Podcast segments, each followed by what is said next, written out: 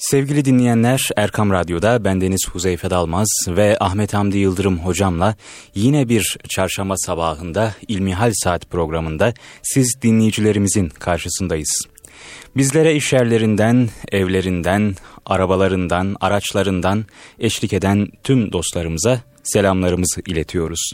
Evet hocam programımıza hoş geldiniz. Hoş bulduk. Sağlığınız saatiniz iyidir inşallah hocam. Allah razı olsun. Elhamdülillah. Evet değerli dinleyenler her hafta olduğu gibi bu haftada bir hafta boyunca sizlerden gelen sorularla girişimizi yapalım inşallah. Dededen kalma bir mülk satılıp altı kardeş arasında paylaştırılacak diye dinleyicimiz giriş yapmış sorusuna hocam. Üç erkek ve üç kız kardeş erkeklerden bir tanesi kızlardan da iki tanesi sağdır. Mirasçı olarak çocukları mevcuttur. Bu durumda miras nasıl taksim edilmelidir? Son olarak da vefat etmiş erkek kardeşlerden birinin eşinin önceki evliliğinden olma çocukları da vardır. Mirastan olanlar da pay alabilirler mi? Buyurun hocam.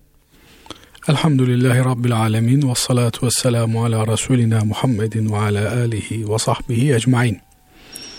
Evet kardeşimiz teknik bir soru sormuş. Evet. Biz bu sorunun detaylarına girmeden ana gövdesiyle ilgili müsaadeniz olursa Buyurun hocam. takım hatırlatmaları muhterem dinleyicilerimize yapmaya gayret edelim. Zira miras mevzusu Cenab-ı Allah'ın Kur'an-ı Kerim'de bizlere tafsilatlı olarak anlattığı birkaç mevzudan bir tanesini teşkil etmektedir. Biliyorsunuz Kur'an-ı Kerim namaz kılınız der, oruç tutunuz der, zekat veriniz der ve buna benzer birçok emri icmalen, özetle geçer. Tafsilatını Hazreti Peygamber sallallahu aleyhi ve sellem Efendimiz'e bırakır. Ama söz konusu mesele miras olunca bununla ilgili Kur'an-ı Kerim'de neredeyse iki sayfayı aşkın ayeti kerime bulunmaktadır. Nisa suresinin başlarında ve sonunda farklı ayetlerde Kur'an-ı Kerim bizlere miras hukukunu ölen bir kimsenin kalan mal varlığının akrabalarına nasıl bölüştürüleceğini uzun uzadıya anlatır. Evet. Niye? Çünkü mal meselesi hani Türkçemize de geçmiş ya mal canın yongasıdır diye. evet Adamın hocam. bir tanesi can değil ki bu demiş çıkartıp da vereyim. Yani maldan feragat etmek kolay olmuyor. Ne hikmetinse. Cenab-ı Allah insan fıtratına böyle bir mala karşı bir meyil yaratmış. Dolayısıyla insan mal sahibi olmayı, mülk sahibi olmayı, varlık içerisinde bulunmayı her zaman arzu ediyor. Bu yönüyle de iş mala gelince ondan feragat etmek, vazgeçmek, tabirini düzgün ifadeyle kullanacak olursak, hakkı olana kişinin razı olması kolay olmuyor. Bu yüzden Cenab-ı Allah uzun uzadıya kimin ne alacağını Kur'an-ı Kerim'de beyan ediyor. Ve bunun peşinde de bunlar Allah'ın sınırlarıdır. Kim Allah'ın sınırlarını aşar, Allah'ın hükümlerini kabul etmezse kendine haksızlık etmiş, yoktan yere kendini cehennem azabına atmış olur buyuruyor. Dolayısıyla bu konular çok önemli konular. Bir kimse gece gündüz namaz kılsa, ömrünün her gününü oruçlu geçirse, çok hayır hasanat sahibi olsa ama kendisine helal olmayan bir malı velev ki bir takım gerekçelerle kendisine işte mer'i hukuk adına verilmiş olsa bile almaya kalksa bir haksızlık yapmıştır, bir zulüm icra etmiştir.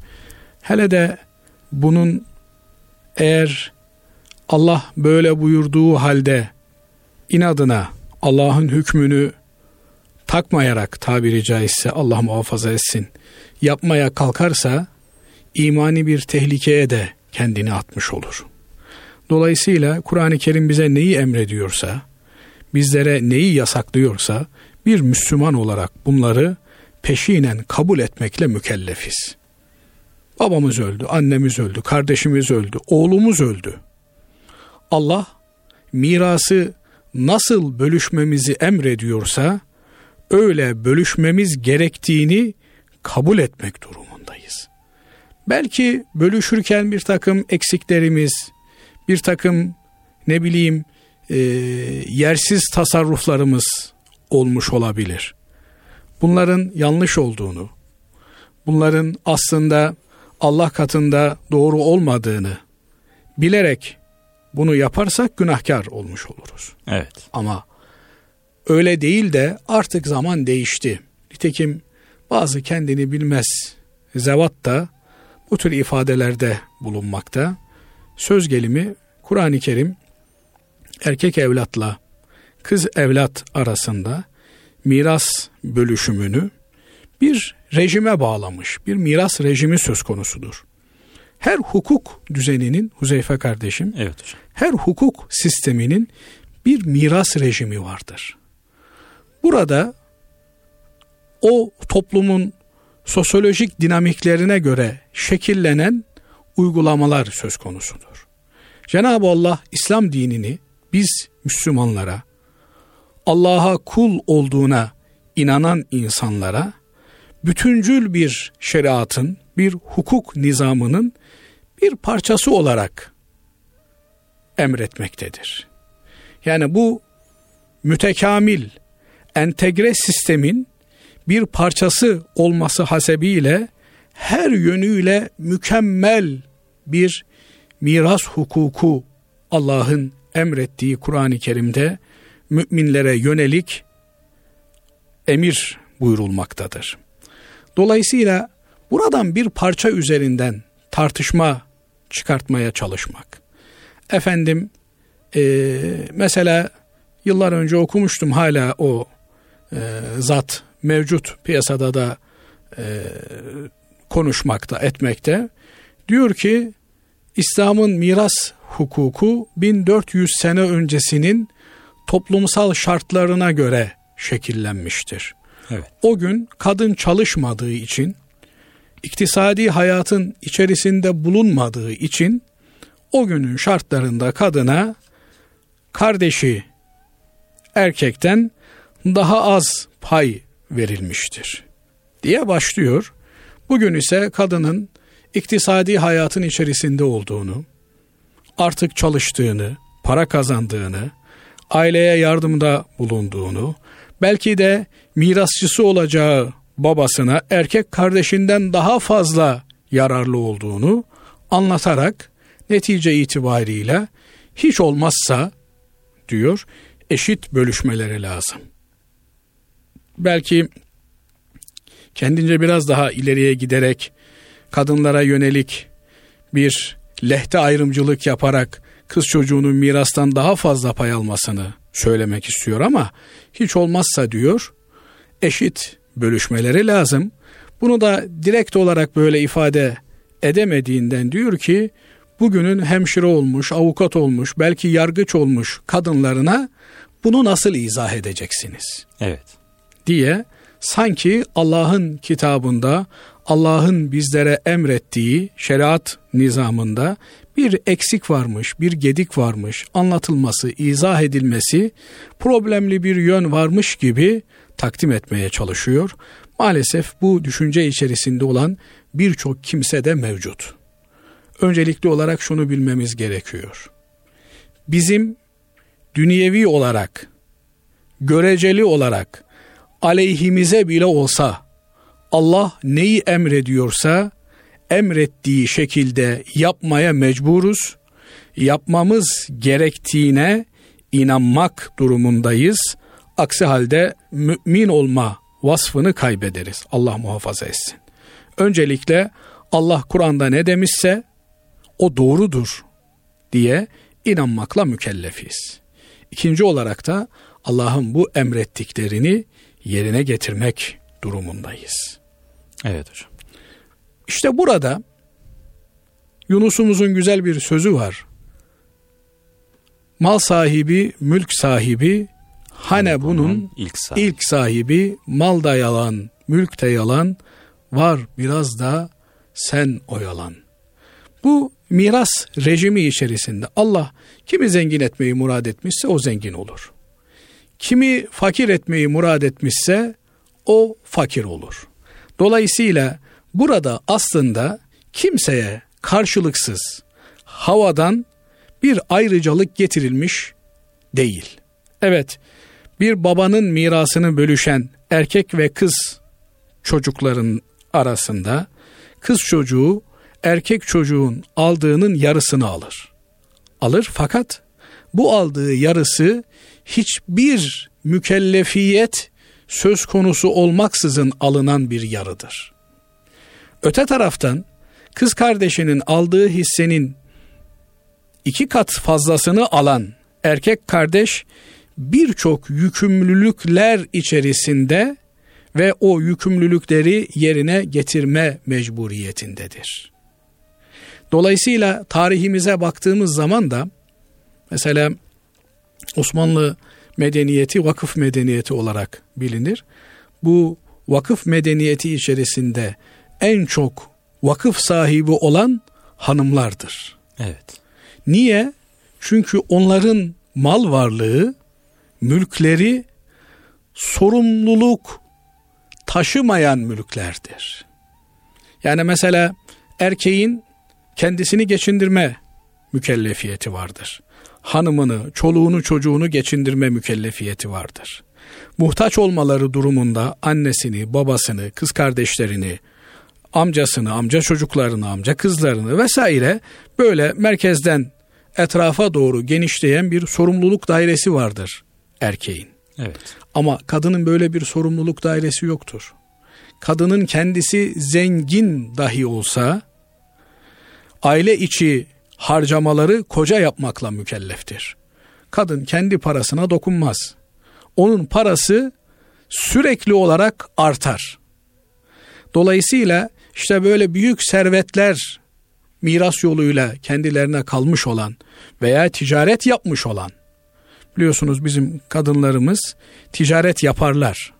Fiilen ticaretin içerisinde olmasalar da ticarete finans desteği sağlamak yoluyla ticaret yaparlar. Evet. Güvendikleri kimselere mallarını emanet ederler veya bizzat kendileri de ticaretin içerisinde olabilirler. Böylelikle servetlerini nemalandırırlar. Herhangi bir sorumlulukları da olmadığı için risk alma konusunda erkeklerden daha cesur da davranabilirler. Nihayetinde bir erkek bir ticari adım atarken tereddüt edebilir.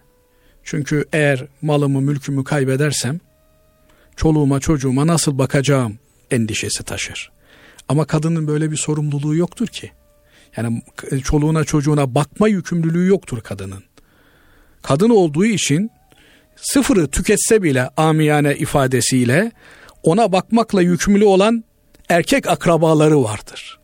Dolayısıyla kadın ticarette daha rahat bir şekilde risk alabilmektedir.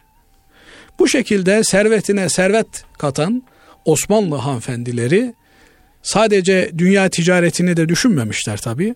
Ahirete yönelik ticaretin içerisine de girmişler ve devasa vakıf eserleri bırakmışlardır. Hala o eserler onların ardından çalışmakta ve onların sevap defterlerine her gün sevap kaydetmekte, gelirlerine gelir irad etmektedir. Evet. Dolayısıyla bu çok detaylı bir konu. Belki zaman zaman yer yer bunlara temas etmek durumunda olacağız. Evet. Ee, binaenaleyh şunu her Müslümanın bilmesi lazım. Allah neyi hakkımız olarak bize vermiş ise onu alabiliriz. Onu almamız bize helaldir. Dolayısıyla hakkımız olmayan bir şeyi birileri yağlayıp bağlayıp getirip önümüze koysalar bile onu almaya dinimiz müsaade etmiyorsa onu alamayız. Bunu böylelikle bir kez daha hatırlatmış olalım. Evet. Şimdi değerli e, dinleyenimizin sorusuna dönecek olursak dedesinden kalma bir binadan bahsediyor. Bu durumda tabi binanın satış tarihi değil de önemli olan Huzeyfe kardeşim dedesi vefat ettiğinde ona kimlerin mirasçı olduğudur. Dede vefat ettiğinde kimler ona mirasçı olabilmektedir? Bu nokta önemli. Onun tespiti gerekiyor. Dolayısıyla e, dedesine vefat ettiği gün mirasçı olanlar o mülk satıldığında o mirasın taksimi gereği mülkü paylaşabilirler. Bugün hayatta kimin olduğu önemli değil. Evet. Dedesi vefat ettiğinde hayatta olanların kim oldukları önemli. Bunun da yolu birebir bölgesindeki Diyanetimize bağlı müftülüğe gidip oradaki uzman arkadaşlarla oturup konuşup meseleyi anlatıp bunu öğrenebilirler. Ama hel halükarda bütün mirasçıların birbirlerine haklarını helal etmek suretiyle sahip oldukları malın helal yolla kendilerine intikaline dikkat etmelerini bizler buradan tavsiye ederiz. Cenab-ı Allah helalinden mal mülk sahibi olmayı hepimize nasip müyesser eylesin. Amin. Sahip olduğumuz malı, mülkü de yine kendi rızasına uygun bir şekilde kullanabilmeyi nasip eylesin. Amin hocam. Öbür türlü milletin vebaliyle ahirete gideriz. Eziyeti, hesabı, sorgusu, suali bize olur ama safasını başkaları sürerler. Bu da takdir edersiniz ki en acıklı durumlardan biri olur. Allah cemi cümlemizi böyle akibetlere düşmekten muhafaza eylesin. Amin hocam. Evet diğer bir soru hocam. Network marketingte ticaret yapmak yani ürün satmak caiz midir diye sormuş dinleyicimiz. Evet. Öncelikle bu e, network marketinin ne olduğunu bilmemiz gerekiyor. Bununla ilgili bir cevap verebilmemiz için.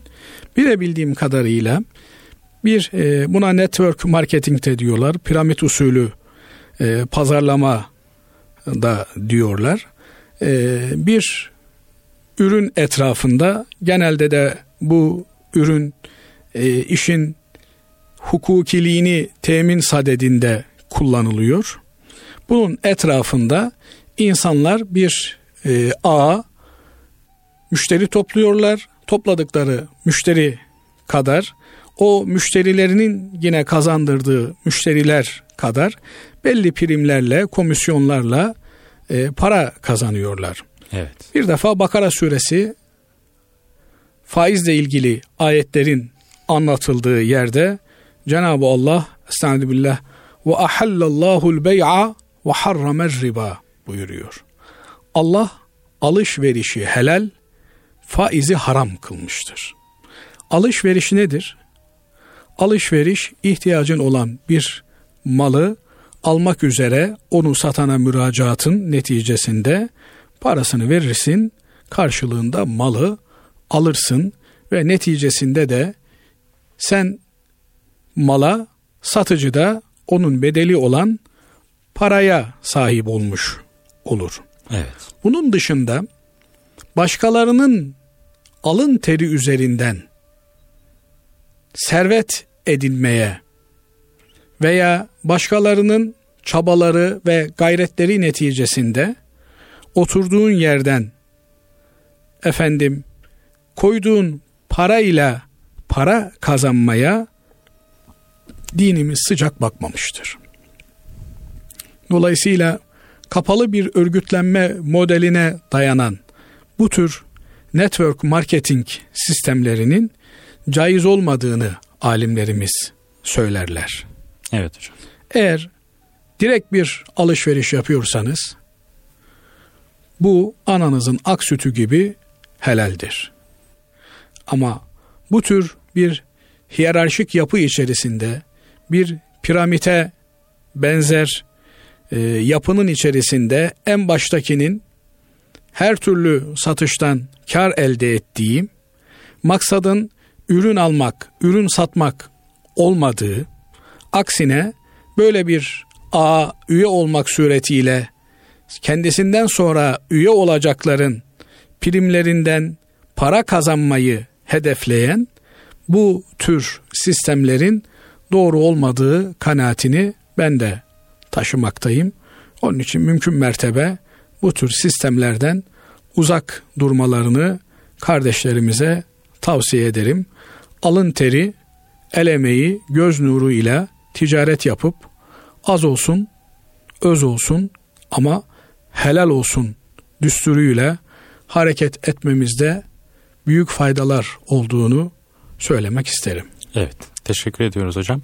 İş yerinin bankaya kiraya verilmesi uygun mudur diye bir sorumuz var hocam. Bu soruyla ikinci bölümümüze başlayalım inşallah. Evet.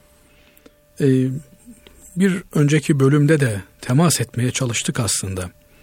Allah alışverişi helal, faizi haram kılmıştır. Evet. Faiz işte bankaların varlık sebebi ni teşkil etmektedir. Banka müessesesi para alıp para satma üzere kurulu bir müessesedir.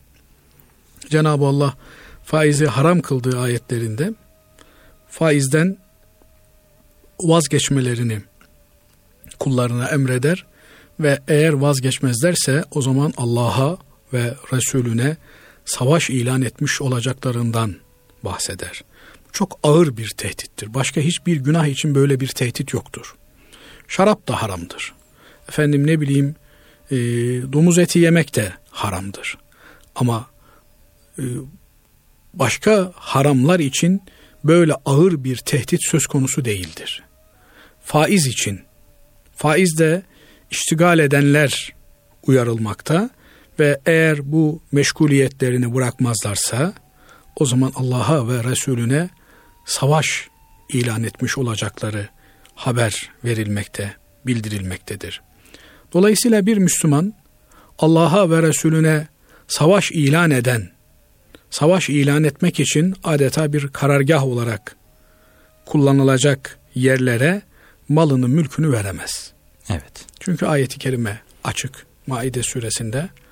وَلَا تَعَابَنُوا عَلَى الْاِثْمِ وَالْعُدْوَانِ Günah ve düşmanlık üzere işbirliği yapmayınız diyor. Yani günah olan, Allah'a isyan olan, Allah'ın ayetlerine, Allah'ın şeriatına karşı gelmek demek olan yerlerde kimseyle işbirliğine, yardımlaşmaya gitmeyiniz buyurmaktadır. Biliyorsunuz bugünkü mer'i hukuk sistemlerinde de yardım ve yataklık etme suçu diye bir suç bulunmaktadır.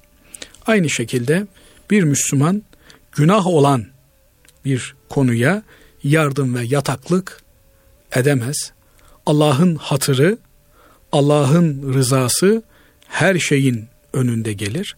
Eğer Allah bir şeyden razı olmuyorsa, olmayacaksa orada Müslüman ne malıyla ne mülküyle bulunmamalıdır, bulunamaz. Dolayısıyla eğer bir yer e, bu tür faizle iştikal etmek üzere bir Müslümandan gayrimenkulünü kiraya istiyorsa oraya gayrimenkulünü Müslüman kiraya veremez. Vermemelidir. Evet hocam. Aynı şekilde e, ahlak dışı bir takım eylemler içinde evini, gayrimenkulünü kiralamak isteyenlere onlara da veremez. Allah'ın haram kıldığı şeyler arasında o haram hafif, bu haram ağırdır diye bir tercih yapma durumunda değiliz. Haram olan şey her yerde haramdır, haramdır. ve Müslüman haramdan uzak durmak durumundadır. Evet hocam. İçkili yerlere mal satılabilir mi diye yine belki benzer soru var hocam. Buyurun. Burada da aynı kural söz konusu. Yani Hazreti Peygamber sallallahu aleyhi ve sellem Efendimiz şarabı yapana, sıkana, taşıyana lanet etmiştir. Evet. Dolayısıyla eğer Allah'a isyan olan bir yerse oranın çalışmasına yönelik direkt olarak verilecek bütün hizmetler günaha, isyana yardım ve yataklık etmek hükmündedir. Müslüman mecbur kalmadıkça buralardan uzak durmalıdır. Buralara herhangi bir şekilde fiili veya sözlü katkıda bulunmamalıdır, bulunamaz. Evet. Eşlerin farklı fıkhi mezheplere mensup olması evliliğe engel teşkil eder mi? Hayır. Bütün mezhepler İslam'ın hak mezhepleridir. Bütün mezhepler derken dört tane hak mezhebimiz vardır.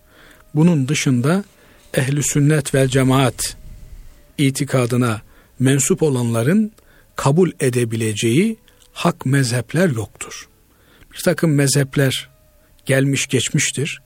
Bunlar hak olarak başlamış ancak müntesipleri kalmadığı için bugün artık onların devamından söz edemiyoruz. Bugün dört tane yaşayan hak mezhep bulunmaktadır. O da Ebu Hanife Hazretlerinin imam kabul edildiği Hanefilik mezhebi, İmam Şafii Hazretlerinin imam kabul edildiği Şafii mezhebi, İmam Malik bin Enes Hazretlerinin imam kabul edildiği Maliki mezhebi ki Kuzey Afrika'da yaygın olarak bulunmaktadır. Afrika'da yaygın olarak bulunmaktadır.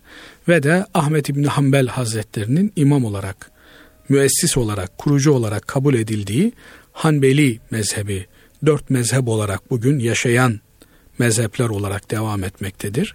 Bunların dışında bir hak mezhep ehli sünnet ve cemaat akidesine mensup olanlar için söz konusu değildir.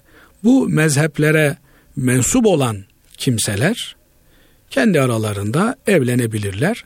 Zaten bu mezheplerin ihtilaf ettikleri, ayrı düştükleri konularda çok cüz'i konulardır. Bir defa ana meselelerde herhangi bir ihtilaf söz konusu değildir. Bir takım tali meselelerde ihtilaflar söz konusu olabilir. Bunlar da teferruatla alakalı konulardır.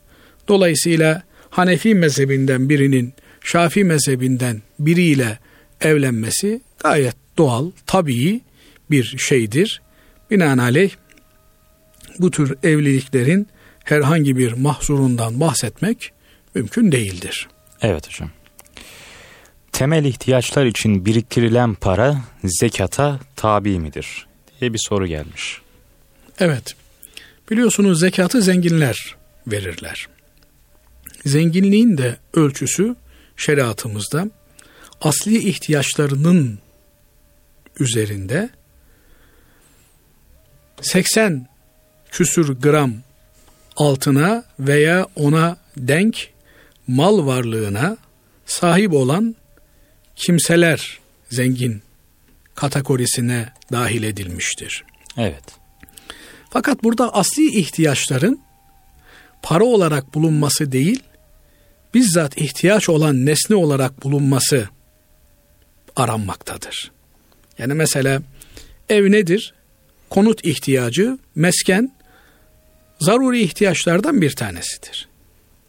Bir kimsenin konutu varsa o konutu milyon dolarlık olabilir veya işte 5 bin liralık 10 bin liralık köyde bir baraka şeklinde de olabilir. Temel ihtiyacıdır ve bu ihtiyacı zekat nisabına dahil edilmez. Söz gelimi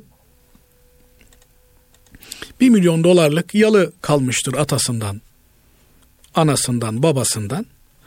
Bu yalıdan çık da sen işte mütevazi bir eve 100 bin liralık, 200 bin liralık bir eve geç, üstünü de zekat olarak öde denilmez. Konut hangi standartlarda olursa olsun kişinin sahip olduğu, içinde bulunduğu, oturduğu, yaşadığı mesken, konut zaruri ihtiyaçlarındandır. Havaici asliyesindendir. Dolayısıyla o zekata tabi değil. Ama kenara bir para koydum Huzeyfe kardeşim. Evet hocam. 50 bin lira kadar bir param birikti. Ben İstanbul'da işte Üsküdar'da bir konut almayı düşünüyorum. Onun için para biriktiriyorum. İşte en kötü alabileceğim konutun fiyatı 1 artı 1 olduğunu düşünelim. 150-200 bin lira. Dolayısıyla bu 150-200 bin liraya gelinceye kadar ben konut alıncaya kadar bu paranın zekatını ödemem gerekiyor mu? Gerekmiyor mu? Herhalde kardeşimizin sormak istediği nokta burası. Evet. Evet, bunun zekatını her yıl ödemek gerekiyor. Niye? Çünkü bunun belli bir standardı yok. Az önce de ifade ettiğimiz gibi evet konut bir ihtiyaç. İnsanların barınma ihtiyacı belki de ihtiyaç skalası içerisinde en başta gelen ihtiyaçlardan bir tanesi. Onun için insanımız illa bir ev sahibi olmayı hedef edinir. Niye? İşte yarın öbür gün çoluk çocuk evinin içerisinde yine bir şekilde idare eder ama her ay kira vermek bir derttir, bir sıkıntıdır. Çoluk çocuk bununla muhatap olmasın diye düşünür. Haklı veya haksız böyle bir kanaat toplumda oluşmuş. Ancak bunun bir standardı yok. Yani az önce söylediğimiz gibi işte Yozgat'ın filan ilçesinin filan köyünde 15 bin liraya da konut ihtiyacını karşılaman mümkün. İşte İstanbul'un en lüks semtinde e, bir buçuk milyona da konut ihtiyacını karşılaman mümkün. Dolayısıyla bu para olarak durduğu sürece para olarak durduğu sürece zekat vermek durumundayız. Ama bunu para olmaktan çıkartır. Efendim ne bileyim bir yerde bir arsa almışızdır.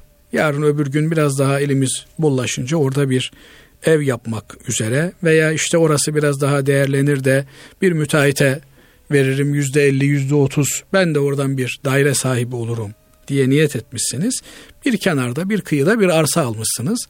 O zaman o aldığınız arsa ticaret malı olmadığından dolayı zekattan muaftır. Ama eğer para olarak tutuyorsanız, altın olarak, efendim ne bileyim gümüş olarak tutuyorsanız veya e, dolar, mark, yabancı para cinsinden bulunduruyorsanız o zaman bunu bulundurduğunuz süre içerisinde e, ekonomiden adeta para çekmiş olduğunuz için yıllık zekatını vermekle mükellefsiniz. Dolayısıyla e, havaici asiye dediğimiz ki burada şunu da e, ilave etmemiz gerekiyor. E, bir aylık veya bir yıllık kendi ve bakmakla yükümlü olduğu kimselerin nafakası havaici asiyeye dahildir. Eğer düzenli bir maaş almıyorsa bir kimse o zaman e, işte aylık geçimi 3 bin liraysa kendisinin ve bakmakla yükümlü olduğu kimselerin kenara koyduğu 36 bin lira havaici asiyesinden olmak üzere muaf tutulur. Çünkü her ay 3 e, bin lira oradan harcayacak demektir. Ama bunun haricinde kenarda bulunan parasından, altınından, gümüşünden efendim zekat vermekle mükelleftir. Eğer nisap miktarına bu para ulaşmış ise dolayısıyla ben e, zorunlu giderlerden olan ev için para biriktiriyorum. Bu paranın zekatını vermem gerekir mi? Para olarak durduğu sürece vermemiz gerekir. Evet hocam. Adet hayız halindeyken Kur'an meali okunabilir mi? diye bir sorumuz var hocam. Kur'an mealinin bazı noktalarda Kur'an yerine geçtiğini alimlerimiz söylemektedirler. Dolayısıyla e, adet olan hanımların bu dönemleri içerisinde Kur'an mali ne tutmaları doğru ve şık bir davranış olmaz. Kur'an malini bu şekilde okumaları da doğru olmaz. Ama fıkıh kitabı okuyabilirler. Efendim başka kitaplar okuyabilirler. İçerisinde ayet mali geçen farklı kitaplar okuyabilirler. Fakat mesela kitaplarımız der ki bir secde ayetini maaliyle okusalar o maal okumasından secde yapmak gerekir. Mesela İkra suresinin, Alak suresinin son ayeti secde ayetidir. Ayetin Arapçasını değil, malini okumuş olsa biri onun da secde yapma yükümlülüğü, vücubu doğuracağını söylerler. Buradan hareketle Kur'an malinin de belli açılardan Kur'an gibi saygı görmesi gerektiği üzerinde durulur. Hayızlı olan adet dönemindeki kadınlarımızın Kur'an-ı Kerim okuyamayacağı ve Kur'an-ı Kerim'e tutamayacağı kesin bir hüküm olduğuna göre bu dönem içerisindeki kadınlarımızın Kur'an'a saygının bir parçası olarak sırf maal olan maallere de e, bu anlamda tutmamaları tavsiye edilir. Onun yerine içerisinde Kur'an'dan mal olan başka kitapları okuyabilirler, mütalaa edebilirler. Evet. Namaz kılarken namazımızı bozabilecek şeyler nelerdir? Dikkat etmemiz gereken hususlar ne olmalıdır? İşte namazın e, şartları diye bildiğimiz şartlardan herhangi birinde meydana gelebilecek olan yanlışlıklar namazımızı bozarlar. Dolayısıyla namazın maddi tarafını muhafaza etmek o şartları muhafaza etmekle kaimdir. Mesela namazın şartlarından bir tanesi kıbleye dönmektir. Namaz içerisinde eğer kıblenin dışına dönmüş olursak namazımız bozulur. Şartlardan bir tanesi hadesten taharettir. Yani abdestli olmaktır. Abdestimiz bozulursa yine namazımız bozulmuş olur. İşte buna göre diğerlerini değerlendirebiliriz. Eğer namazın şartlarından birinde bir eksiklik meydana gelecek olursa, namaz içerisinde bu meydana gelirse namazımız bozulur. Bunun dışında belki e, muhterem dinleyicimizin sormak istediği şu olabilir. E, namazda dışarıyla bir irtibat söz konusu olursa namaz bozulur mu? Evet.